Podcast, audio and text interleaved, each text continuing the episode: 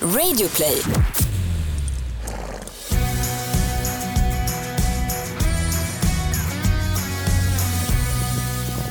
Du är varmt välkommen till ännu ett avsnitt av podcasten Ridklubben med mig Gry Forssell. Och mig Rebecca Lagin. Och idag så ska ni få höra hur det lät när vi träffade en lite yrvaken och vågar jag säga kanske lite bakis. Det sa hon inte själv men det kändes lite så. Ja det hade ju blivit sent i alla fall kvällen innan. Lisen Bratt Fredriksson ska ni få höra hur det lät när vi träffade här om en liten, liten stund. Precis. Eh, först vill jag bara säga vad roligt det är att det är så många som hör av sig eh, via sociala medier framförallt men också via mail. Ja. Mig kan man nå på gry.mixmegapol.se Och mig rebecca.lagin.mixmegapol.se. Men så har vi Ridklubben-podden på Instagram. Följ gärna det kontot. Vi lägger upp lite bilder, påminner om att vi kommer med nya avsnitt och sånt.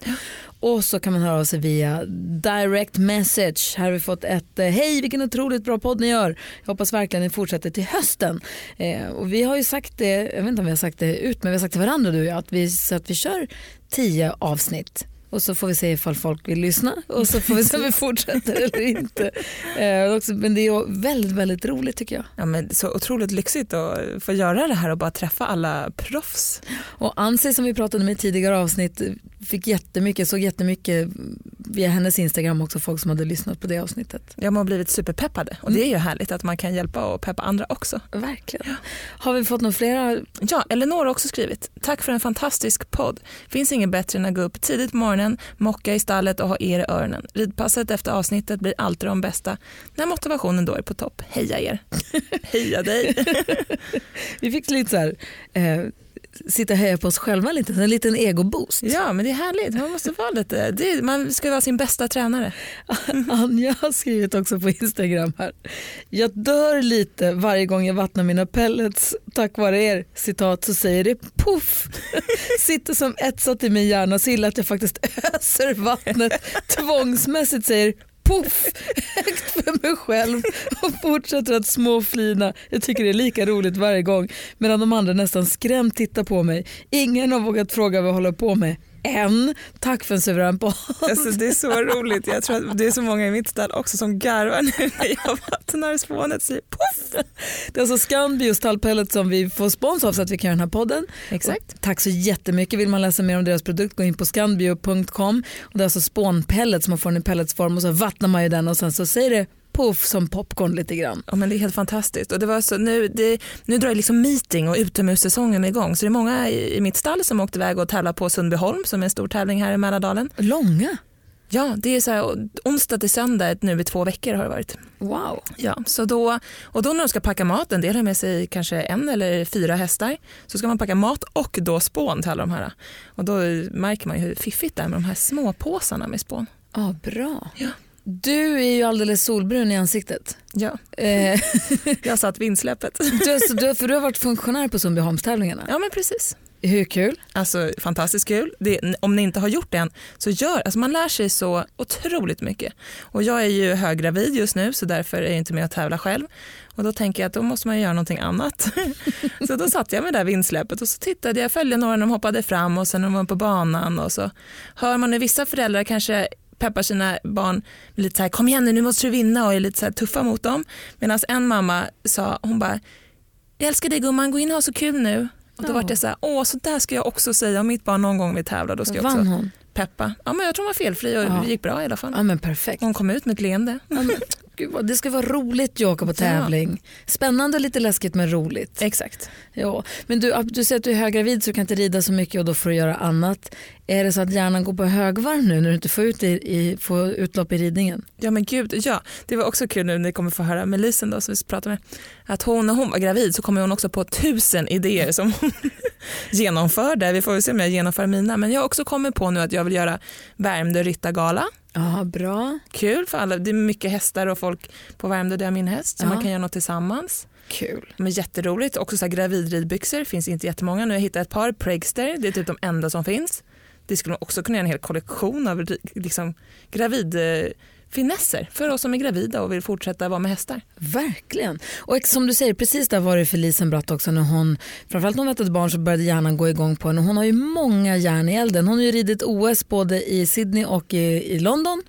Och Och eh, nu blev hon precis utsedd till eh, Häst-Sveriges mest inflytelserika kvinna. Ja, Ja, hon är ju supercool. verkligen svinduktig på att rida, urtrevlig att hänga med och också driftig som få. Verkligen. Tänk om man hade lite av hennes energi och drivkraft.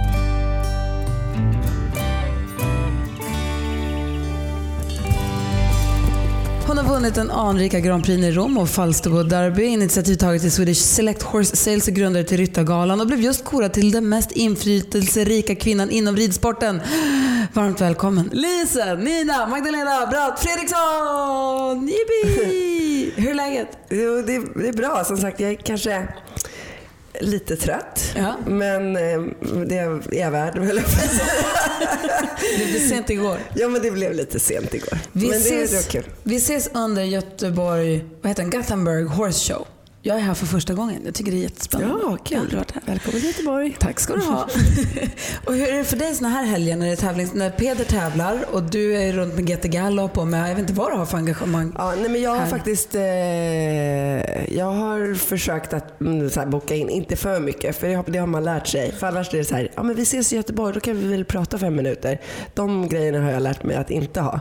Men däremot att ha, jag ska ha något föredrag eller jag ska träffa, göra någonting sånt per dag. Det funkar. Och sen så får man eh, göra egentligen bara att man är här för tävlingens skull, för Peders skull. För du som, som, och hur engagerad är du i hans ritter då? Jo, men det är på det sättet att jag har, ska ha koll på banan och allting runt omkring det. Så att om han ställer en fråga till mig så ska jag ha svaret på det direkt. Liksom. Så det är egentligen att jag är där vid sidan och han ska veta om att om det är någonting han funderar på så ställer han frågan och då ska jag liksom kunna svara på det. Vad är en vanlig fråga du får? Eh, nej men ofta så är det ju då kanske att eh, jag har koll på de som har ridit före. Ah, okay. Eh, speciellt kanske då som igår. Då kunde han ju se några stycken innan han red. Men för som eh, jag antar att de flesta som lyssnar på den här podden vet så tävlade ju du på elitnivå och OS, red OS och allt det här. Men nu så känner nu du Mrs Horse Business i Sverige. Ja, ja det vet jag inte om jag själv tycker men eh, ja, jag vet inte. Jo fast det är du ju. Ja. Men varifrån kommer den här, den här drivkraften och vad är det du har för drivkraft nu? Nej men drivkraften är väl egentligen, det är typ, vad ska man säga, det är väl när man rotar i det när man får de här frågorna. Som, vad, är- vad är det som är, och det har man väl lärt sig då när man är 43 år och tittar tillbaka. Att man egentligen, eller så här, sen jag var liten så har jag hållit på med att eh, vet, starta ridklubbar, eh, göra så här medlems-t-shirtar, eh, sålt eh, äpplen, putsat skor, lekt hotell, lekt ridskola. Alltså jag har alltid liksom hållit på. Så jag känner fortfarande egentligen att det är, man är i någon slags i samma lek på något sätt. Jag tror att det är så många som känner igen sig i det där. vi startade Lovica Grand Prix uppe i Tornedalen när jag Ja, var men liten. precis. Och man höll på att skaffa, fixa sponsorer. Det var någon brädgård som sponsrade med något. Och man hade, vi köpte prisrosetter och byggde hinder. Och det var Ja, men skitkul. ju. Det där växte och blev jättestort. Det var jättekul. Ja, men hade precis så är det. Så att det alltså, om man ser, tror jag att det är så himla... Nu när man inser det, då tittar man ju på barns Eh, alltså hur de leker på ett annat sätt så här, egentligen. Om de är pilliga eller om de tycker det är kul att prata med vuxna eller om de vill ja, göra plakat. Eller, alltså, det, det är ju väldigt... Eh, jag tror att det är väldigt, vi är som vi är. Nicky har en stor dröm om att vi ska arrangera stora käpphästtävlingar i Enskede. Ja. Ja, Det är en bra början. Det ska vara pris, det ska vara prisrosetter och det ska vara liksom hela, hela köret. Så kul. För ni har ju hästuppfödningen, eller hästförsäljningen ska jag säga. Inte uppfödningen, utan hästförsäljningen snarare. Eh, Jättegalopp, vad är det för någonting? GT Gallup är en, eh, eh, fram till nu en nätbutik egentligen som, där vi gör, börjat göra våra egna grejer. Och det kommer vi göra mer och mer så får vi se vad det slutar. Och sen så tävlingarna i Jönköping. Tävlingar i Jönköping, Jönköping Horse Show på så kallade hästlovet, vilket 44 döpte om det till istället för hästlovet. Eh, och sen så har jag ju eh, Swedish Elect Horse Sale som är redaktionsbolag för hästar och lite annat sådär. Så jag sitter med i någon styrelse och i eh, Falsterbos Horsshows organisationskommitté och lite sådana saker. Men var det ett, ett aktivt beslut du tog att gå åt det hållet eller var det så att det blev som det blev? Ja men det, det blev så för att jag varje gång jag egentligen eller så här, eh, när jag träffade Peter så blev, väldigt, då blev det liksom att, jaha, kan man, kan man tävla? Är det en, eh, är det, kan det vara ett yrke liksom? På något sätt. I, I, min familj kanske det var att ja, men du kan rida lite grann och sen får du skaffa dig ett jobb. Eh, men sen när jag träffade Peder så var det så här, ja men rida är det finaste man kan göra. och så då gjorde jag det i 15 år. Men sen när jag ehm, på, i landslaget då. Men sen när jag väntade mitt första barn och satt av då började jag eh, hur var det då? Nej, men då var det så att jag träffade Henrik Jonsson och så började vi prata om att man borde ha en ryttargala. Och så startade vi den och samma år så startade jag auktionsbolaget. Eh, och sen så gick det några år och sen kom nästa barn och då var det samma sak igen egentligen. Att jag började ja, engagera mig mer i andra saker. Och sen till slut så var det väl när jag satt och red att jag kände att jag inte hade det där 100% fokuset på att ta mig till nästa tävling utan telefonen ringde mer om andra saker. Och då blev det sådär att ah, men jag kanske måste ta in en ryttare som rider lite av de här unga hästarna. Och där kom Stefan? Ja, precis. Och det var för fem år sedan. Och då började hon att rida och hon var ju en sån talang. Mm. Så då kände jag bara, varför ska jag sitta här och rida när hon gör det så bra på något sätt. Och sen tror jag att det bara, liksom det kändes naturligt också. Sen var det också att Pedro och jag, när vi båda två red i landslaget. Eh, det var jättekul så länge barnen var små för då reste vi runt som ett sånt här cirkussällskap med liksom barnen och vagnarna och barnflicka och så reste man runt. Men sen finns det ju någonting som heter skolplikt. Mm. Ja. och då fick vi turas om lite grann och vara hemma och då var det så här typ nästan stafettpinnen på Kastrup när vi bytte. Eh, och det kunde gå så fem veckor utan att vi nästan inte sågs för att vi bara bytte roll hela tiden. Så att det blev så här, Ja, det bara, det, det bara blev inget bra till sist. Nej, det blev ju inte riktigt bra. Så att, det är eh, svårt att få plats med två karriärer i en familj. Ja, alltså fall när man ska, jag, ja, jag tror att det är inte helt enkelt i alla fall. Jag beundrar de som kan få till det. Eh, men, eh, så att det här blev, jag tyckte det här blev perfekt egentligen för oss. Men du har nu en häst, läste vi någonstans. Har du kvar den? Du köpte en femåring för att ha en som du kan rida på. Ja, fast den har jag faktiskt sålt. Ja. Blev det så. du, hur tycker du att man ska förhålla sig till att sälja sina hästar? Du sa någon gång till mig att du tycker att man ska bara, om det inte funkar, sälj den. Ja, absolut. Om man har en häst. Alltså det är ju sådär lite grann, det är väldigt individuellt tycker jag. Och jag respekterar precis, men jag tror att för det kan ju vara att man har en häst för att man verkligen, verkligen tycker om den. Sen kanske den inte fungerar så superbra att rida och tävla på om det är det man vill. Eh, men då kanske man bestämmer sig för att jag vill ha den här hästen kvar ändå för att det är en familjemedlem och vi tycker om den. Och, all, all, all respekt för det. Men om det är så att du känner att Nej, men det här är ju inte vad jag har tänkt mig. Jag behöver en häst som har mycket mer motor eller tvärtom. Eller någon som kan, kanske kan lite mer. Eller, ja, så. Och då är det väl bättre att den hästen får hitta en matte som det passar bättre med. Mm tycker jag. Hästar är ju inte som hundar egentligen på det sättet att de du vet, har sin matte på det sättet egentligen. Jag de tror... sover inte i våran säng på samma Nej, sätt? Nej, inte på det sättet. Men man vill ju att de ska komma till bra hem där man vet att de får liksom, bra omvårdnad och sådär. Och, och, och, idag hästar betingar ett sånt värde så det är liksom ingen som sätter dem i garderob och stänger dörren. Utan man tar ju verkligen hand om dem. Du tittar ju på så mycket hästar i auktionen och du köper och du säljer. Mm. Vad tycker du är viktigast att titta på när man ska kika på en häst? Vad tittar du på? Ja, vi tittar nog på lite olika saker kanske. Eh, jag försöker hitta den här extrema talangfulla hästen ska, som förhoppningsvis ska bli en världsstjärna. Eh, så att, och någon annan kanske ska titta på en häst som är ja, en, en bra läromästare eller att den är på en nivå som är så och så. Men om du frågar vad jag letar efter så är det eh, just det här liksom extrema kanske trycket eller powern eh, som är svår att hitta. Men jag tänker, alltså det där är också svårt att se kanske. För jag tänker på All In som jag också har hört flera gånger berättas om hur, man, hur Peder eller om du tittade på hästen och bara vad är det här ens för häst? Och sen ja. så visar det sig att han är värsta världsstjärnan. Ja, ja, precis. Och jag tänker på den här skimmen, nu är jag så dålig på namn, som Peder Edegård. Catch me not ja, catch me not.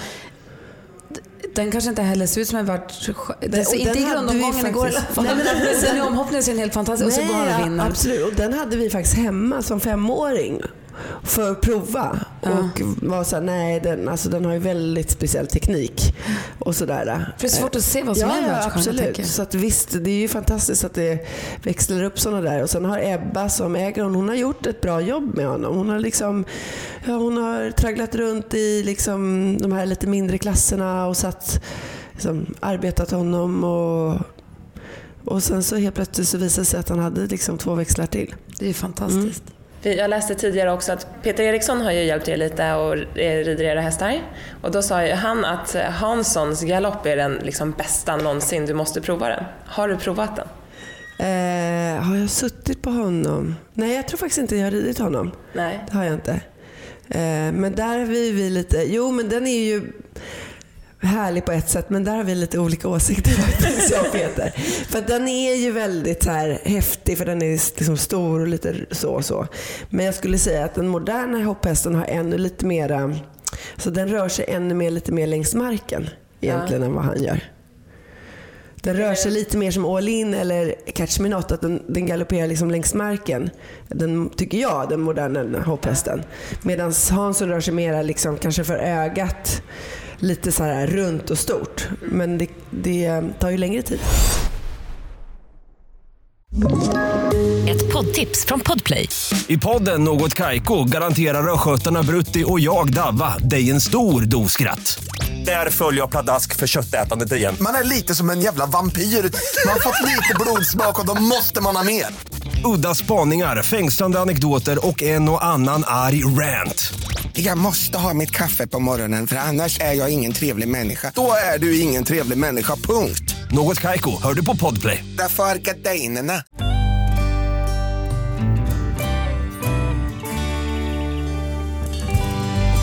Ester har eh, skickat in en fråga till oss och då undrar hon vilken är din favorithäst eh, bland de här största tävlingarna just nu om du inte får välja någon av era egna? Oj. Ehm. Och vilken är det då som jag gillar, gillar just nu? Jag gillar ju, ehm, eh, vad heter den som vann? Hermes Rajan. Tycker jag är en häftig liten häst. Alltså den är en liten och så. Eh, häftig. Men någon sån där som jag gillar, gillar just nu. Ja, få är också jättehäftig att se. En liten hingst som är sådär. Ehm, men eh, många av de här världsstjärnorna är ju inte kanske... Jag ska se vilka är det som jag gillar. Jag gillar också Edvina Alexanders, det där stoet är ju fantastiskt också. Ja, det är många. Det är många. Det är så svårt. Och, och de är ganska olika allihopa. Och Hur mycket är ni hemma på gården? Peder är hemma typ oftast då. Han, kom, han försöker alltid ta sista planet hem från, på söndag kväll från var han är. Så han är hemma någon gång på natten. Och så är han hemma måndag, tisdag, onsdag. Och så åker han oftast på torsdagen. Ehm, och det gör han ju de flesta veckorna. Sen har vi faktiskt nu på slutet haft lite lediga helger inhoppat här, och var. Ehm, och jag är hemma lite mer. Är jag. Och sen försöker vi ta med typ barnen. Om vi gör någon tävling som är lite så kul för dem så försöker vi ta med att vi åker allihopa. Eller så skickar jag med ett barn med Peder. Det är rätt bra för dem lite så pappa-barn. För Kasten är äldst, hur gammal är han? Han fyller 15. Ja. Och så att han var med nu, han åkte med Peder till Paris själv. Och då, då har de ju jättemycket tid egentligen, hänga på hotellet och sådär. Ja.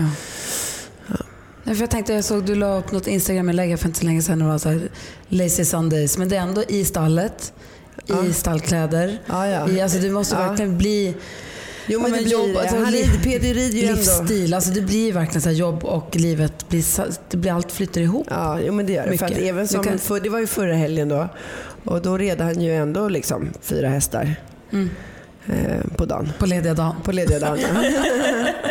ja men det blir så. Ja. Och när blir du ledig då? Eh, ja, men jag blir ledig typ om jag följer med honom som jag följde med till Paris för förra helgen. Ja, Då är jag jätteledig i tre dagar med honom på tävling. ja härligt. Ja. Ja. Ja. Vi har en till fråga här. Det är Alex som undrar, vad krävs för att bli hästskötare eller groom hos er? Eh, det krävs att man är så här, dedikerad till att eh, vara med och, och jobba. Eh, att man har kanske lite erfarenhet från något stall. Man behöver inte vara superproffsgrum liksom, men att man har jobbat aktivt i ett stall. Och att man, ja, men att man är villig att jobba hårt, för det gör alla vi.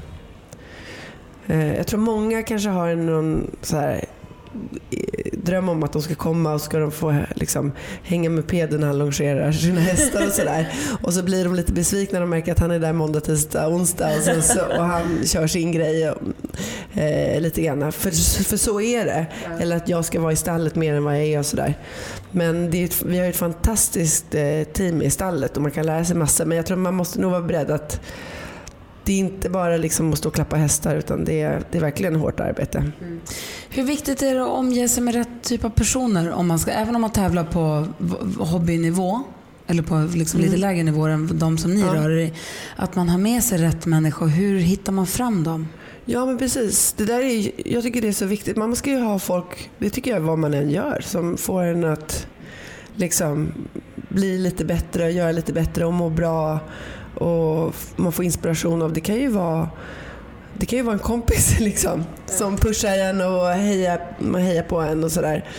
Ehm, och det kan vara kanske en förälder som man känner stöd av.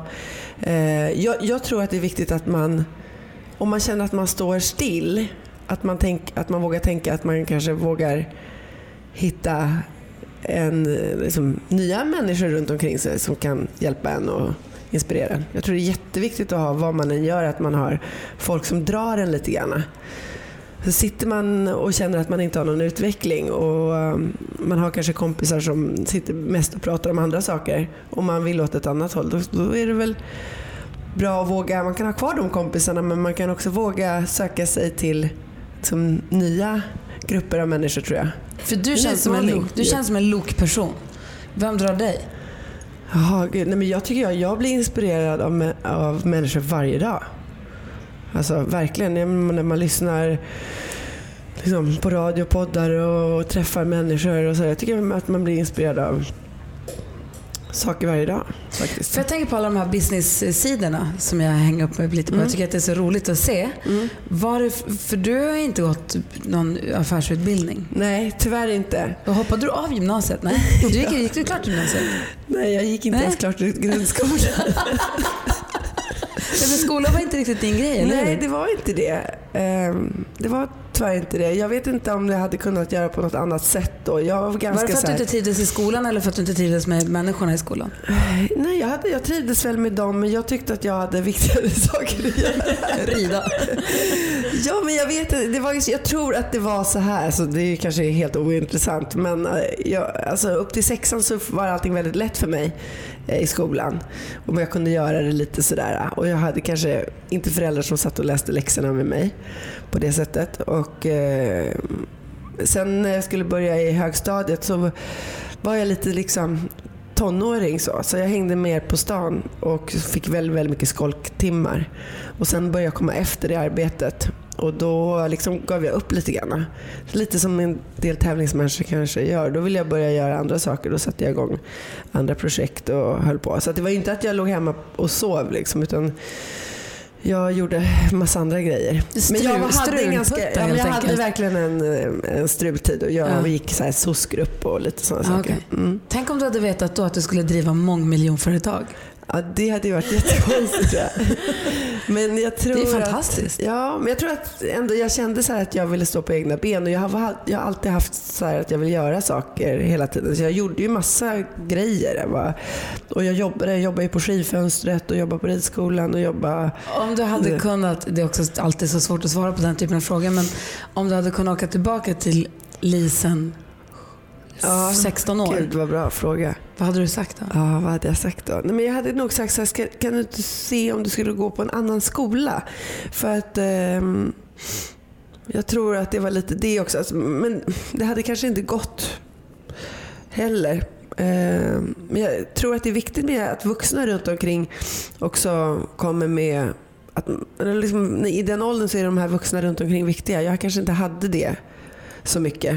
Ehm, Men jag hade verkligen sagt så här, okej, behöver inte gå på mattelektioner men fan gå och, läsa så här, företagsekonomi. Alltså jag hade nog kanske redan där velat liksom inrikta, att få inrikta mig att läsa, för jag var ju väldigt så här, entreprenöriell och att få läsa lite så här jag hade nog tyckt att det var jättekul att lära mig att göra en budget redan när jag var 16 år. Egentligen. Mm. Eftersom jag gillade att göra listor och skriva redan då. Men då skulle man ju göra en massa andra konstiga saker som jag inte tyckte att det var viktigt. Och hur organiserad är du idag? Du måste vara ganska organiserad. Tänker Uh, nej, det är jag faktiskt inte. Men jag har... Uh, alltså jag tänker att jag uh, gör mycket på magkänsla egentligen. Och sen så just när det är sådana frågor så lämnar jag, när det handlar om organisation på det sättet med papper och så, då låter jag hellre någon annan hålla i de grejerna. Men sen vill jag ha koll hela tiden. Jag liksom vill se varje faktura, jag vill attestera varje faktura.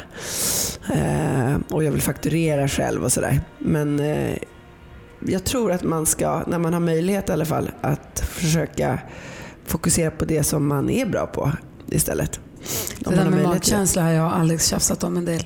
Han tycker att man tillskriver bara, jag pratar också mycket om mm, magkänsla, att man mm. måste gå på magkänslan. Man känner direkt om det är bra eller inte. Ja, och vi har ju olika magkänslor. Ja, men han menar att man tillskriver bara magen känslan när det är positivt. Man säger bara att man gick på magkänslan när det gick bra. Det är därför man säger jo, också så fort det gick dåligt då var det inte magkänsla, då var det något annat. Ja, men, okej, när det gick dåligt ja. Men det kan ju ha massa andra saker att, som spelar in yttre faktorer som du inte kan påverka som gör att det inte gick bra. din magkänsla gick bra.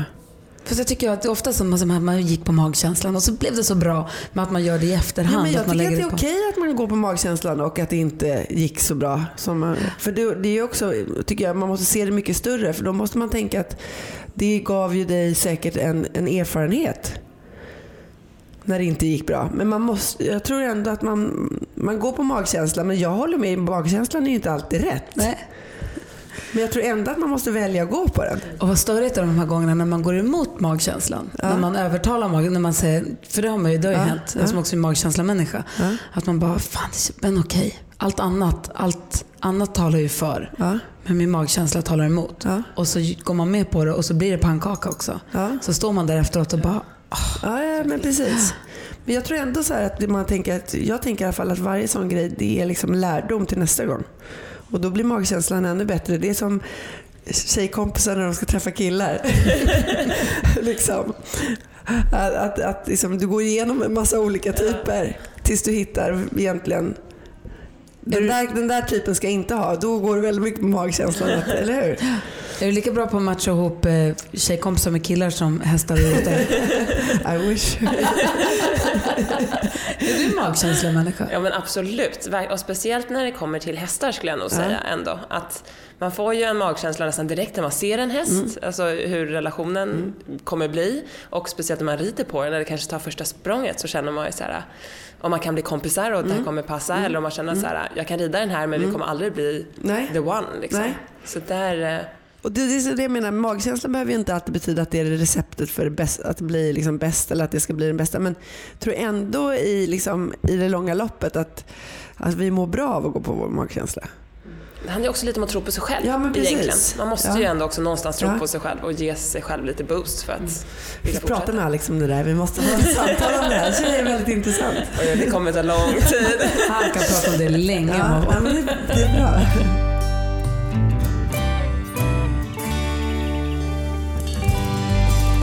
Men lite tillbaka till det här företagsamma. För att jag tänker att det är många eh, hästmänniskor i Sverige som driver företag, oftast kanske lite små företag. Eh, vad har du för tips till dem för att de ska kanske utveckla sig eller för att våga ta ett steg till? Mm. Nu fick jag lite skit för det här häromdagen då, för jag fick en sån fråga. Och sen så blev jag vet, i, en, i en längre sammanhang förklara och sen så var det en tidningsartikel om ja, det. Ja, det blev lite taget ur sitt sammanhang. Ja, precis. Och så fick jag liksom att jag var okänslig som bara tänkte på pengar och så här. Men frågan var ju just ja. hur, om man vill. Och då tror jag att man måste liksom kliva kanske För att det som är fint med oss svenskar, uppfödare om vi ska säga som ett, är en grupp av näringsidkare i mm, att det är fint i Sverige att vi liksom bryr oss mycket om hästarna och vi tycker om dem och sådär. Det är någonting som är härligt tycker jag. Och att man kanske föder upp en häst för att man tycker om det här stoet och att man vill ha en avkomma. Och så. Det är någonting fint. Men om du ställer frågan till mig att om vi ska få en business och göra det bättre, då måste man ju, då måste man ju tänka, då måste man tänka inte kanske så här känslomässigt att jag ska behålla den här hästen utan då kanske jag måste sälja den här hästen för att kunna köpa en till och jag måste våga vara lite mera, man kan säga belgarna är väldigt framgångsrika uppfödare och de eh, avlar ju bara på prestation. Liksom. Det här stoet har tävlat bra och lämnat bra avkommor och betäcka det med det och sådär. Mer så. Och jag tror i branschen överhuvudtaget att vi eh, ja, men är lite så här man, det är ju som sagt, vi ska ju gå på magkänslan och vara känslostyrda men man måste ju också tänka när det gäller att... Men bli lite mer känslokall då? Eller? Ja, Alltså- men man måste tänka ändå så här, så jag, eller så här. Jag tror också att vi jobbar, när man håller på med hästar så jobbar man långa dagar, man jobbar hårt fysiskt hela tiden. Eh, man har ett ansvar liksom 24 timmar om dygnet. Och det är väldigt få som sätter sig ner vid skrivbordet och så här, tänker igenom hur, hur, hur gör jag min dag egentligen? Hur eh, kan jag effektivisera det här och kan jag ta hjälp? Är det någon annan som ska göra mina, mina, min ekonomi och vad kostar det mig? Kan jag jobba ihop det istället? Och kan, det bli alltså, kan jag våga räkna på kostnaderna? Kan jag köpa in foder tillsammans med någon annan? Kan jag dela på ridhus eh, eller stallet? Kan Men att jag... man sätter sig och strukturerar men upp sin verksamhet. Och det gör alltså, hästföretag gör inte det. Eller väldigt, väldigt lite. Det De känns som att många gör på. samma, eller som det alltid har Man varit. jobbar på, man jobbar på liksom. Så, så löser det sig nog. Men det, det är väldigt få, svårt att få utveckling då. Men för, och det känns ju som att många utav rytt, eh, ni ryttare, du sålde ju också en häst som varit lite ditt startskott för att få ett kapital och kunna Mm, Ja. egentligen ta ett steg Ja. till, eller hur? Och det är väl lite, det måste också kännas läskigt att sälja din bästa häst, eller? Hur kändes det då? det kändes du... också väldigt, väldigt bra. Jag hade det så här, också faktiskt magkänslan att nu ska jag tävla den här. Hur gammal var du då? Hur länge sedan var det här? Eh, Då var jag, eller jag hade gjort en ganska bra affär innan det också faktiskt. Men just den hästen var, jag är 24 år. Och hästen var 10 precis och hade gått OS Mm. med mig. Jag hade köpt honom som, som ung häst. Du har tagit upp hästen helt själv till OS? Ja. Ja. Det är så sjukt. Ja, och Ja, det är det faktiskt. Men det var liksom så här, det var bara för, too good to be true liksom. Jag mig som den här mojen med stjärnögon. Berätta mer. Nej, men det var superhäftigt såklart. Det var liksom jätte, jättehäftigt. Ehm, Visste du att den hästen skulle gå OS när du köpte? Eller var det det som du tänkte att så här, den här hästen, ja, men i kan... den åldern då är man ju så, alltså, är, man beundrar ju tjejer som är liksom 20-25 för de de har ju inte gått på alla de här grejerna. Så de vill ju bara ha framgång och framåt och det var nog bara det jag såg.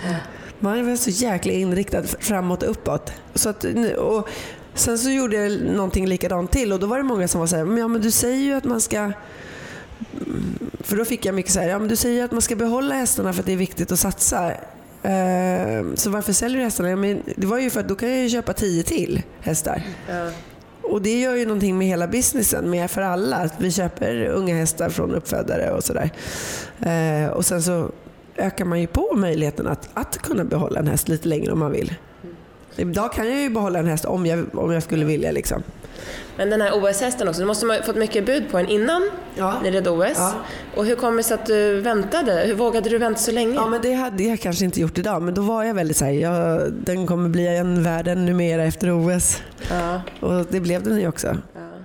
För det är många som säger, eller om man tänker att man vill ju sälja sin häst när det känns som att man pikar. Mm. Om man nu vill kanske göra business på den. För det kan ju också, imorgon kan den göra sig illa i hagen och då Mm. Absolut. är den borta liksom. Eh, så jag tänker, hur länge ska man liksom vänta innan man säljer sin häst? Om man nu har lite det som mål att man ska... Nej, men jag tycker att den kan vara egentligen, det, det beror på vem du är. Men för mig är det, nu kan jag ju våga behålla en häst lite längre. För att jag har ett, byggt upp ett kapital under. Men om det är så att du är precis startat ett företag och du kan faktiskt göra en liten förtjänst på en häst, då, då skulle jag nog sälja ganska direkt. Hur mycket, om jag ska sälja min häst och sen så går den igenom stallgången på Grevlunda. Vad är skillnaden i priset när den kommer ut på andra sidan? Det är 100 procent va? Vi kan få 50 procent om vi bara får filma det när vi går igenom stallet. Men grejen är att vi säljer egentligen inte så många hästar. Alltså vi säljer ju några om året egentligen. Det är inte så att vi spottar ut en häst i månaden ens. Och när säljer ni hästar? det är när vi säljer, då kanske vi gör en bra, liksom, då gör vi en bra affär. Men jag skulle inte säga, vi skulle kunna sälja mycket, mycket mer hästar om vi hade, liksom, men nu gör vi ju, satsar vi på Peders, liksom, han tävlar och, och eh, det är någonting också att att det är ganska så här härligt att få växa med de hästarna vi har. Annars skulle jag liksom vara ute varje dag och köpa och sälja hästar och göra liksom mindre, kortare affärer och sådär. Men det är inte, jag är inte så intresserad av det. Ja, jag vet inte. Jag, jag tycker om den här resan att få den här unghästen som är, vad är det? Är det liksom det är som en liten godispåse på något sätt och så, så ser man hur det liksom, ja, hur det blir åt vilket håll det går liksom. Att det är härligt bara. Vi ska träffa Irma om en liten stund. Karlsson, vad tycker vi ska fråga henne om? Det skulle vara intressant att höra om hon jobbar liksom med sig själv mentalt om hon är intresserad av det. Att liksom höja sig, eh, höja sin, eh, sitt självförtroende tror jag. Alltså sådär. Det skulle vara intressant. Om att ta hjälp från någon med det? Ja, för att, för att jobba mentalt, eh, det tror ju många handlar om att eh, hålla i, bara hålla i sina nerver. Men det är ju bara en liten del. Att jobba mentalt det handlar ju också om att kunna höj, höja sig ännu mer. Än vad, även fast du kanske inte blir nervös så ska du kunna liksom, känna dig och göra ännu bättre resultat. Det är jag intresserad av att höra om hon jobbar med det. Är du Peders mentala coach? Nej, inte alls. Han är ju väldigt intresserad av allt det där själv. Så vi pratar mycket om, om sånt hela tiden. Han läser ju jättemycket och är liksom intresserad av den processen själv. Har han någon mental coach? Inte just nu så där har han inte. Men som sagt, han läser mycket och, och liksom skriver mycket och hur han ska tänka och sådär. Han så är lite han, sin egna mentala coach. Ja, men precis. Men han hade ju i början hade han ju, man kan säga mentalt coach, det handlar kanske i början kan det handla om att liksom bygga upp ett system om hur du ska göra en tävlingsdag och hur du ska tänka liksom där. Och då jobbar han tillsammans med en kille som heter Johan Fyrberg. Men sen har han utifrån det liksom själv varit intresserad så han läser mycket om de här Army Seals-böckerna som är, är så här, spring genom öknen. Liksom. Och du då? För jag menar, du har ju också ganska mycket anspänning i, och hektiska dagar och saker att ta hand om och saker att hålla ihop. Ja. Jobbar du någonting med Ja, men jag gjorde jättemycket när vi var i juniorlandslaget. Och bara de få grejerna använder jag mig fortfarande av. Att kunna gå in i tävlingsmode som jag måste vara när jag är här med Peder. För att om jag, om jag sitter hemma och tittar på TV då blir jag supernervös. Liksom. Då blir jag verkligen så här, måste stänga av TVn och oh, jättejobbigt allting. Men när man är här med honom då, då går jag in liksom i så här, pulsen ska vara liksom låg hela tiden. Vad har ni för planer för sommaren? Hur ser ut framåt? Eh, sommaren, ja, GCT Stockholm. Det ska bli jättekul. Ja. Och sen blir det lite tävlingar runt omkring i, där vi ska åka. Nu närmast ska vi åka faktiskt till Pedro åker till Mexiko på onsdag och ska tävla. Och sen Miami i påsk och det ska jag också med och barnen. Miami ser ut som en drömtävling. Har ni varit där tidigare? Nej, jag har inte det. Det ser så kul ut bara när man ser de här, så här eh, typ eh, bikini Ja. i, i, i publiken som står och hänger på stranden och kollar på hästhoppning.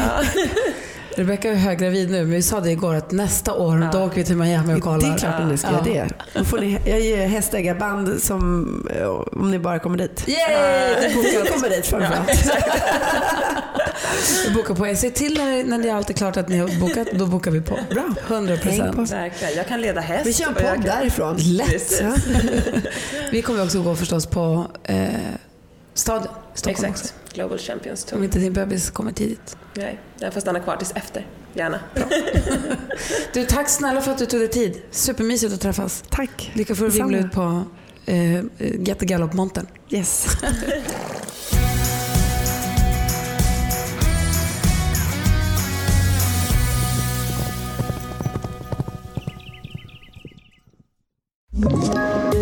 Poddtips från Podplay. I podden Något Kaiko garanterar östgötarna Brutti och jag, Davva, dig en stor dos skratt. Där följer jag pladask för köttätandet igen. Man är lite som en jävla vampyr. Man har fått lite blodsmak och då måste man ha mer. Udda spaningar, fängslande anekdoter och en och annan arg rant. Jag måste ha mitt kaffe på morgonen för annars är jag ingen trevlig människa. Då är du ingen trevlig människa, punkt. Något Kaiko, hör du på Podplay. Därför arkadeinerna.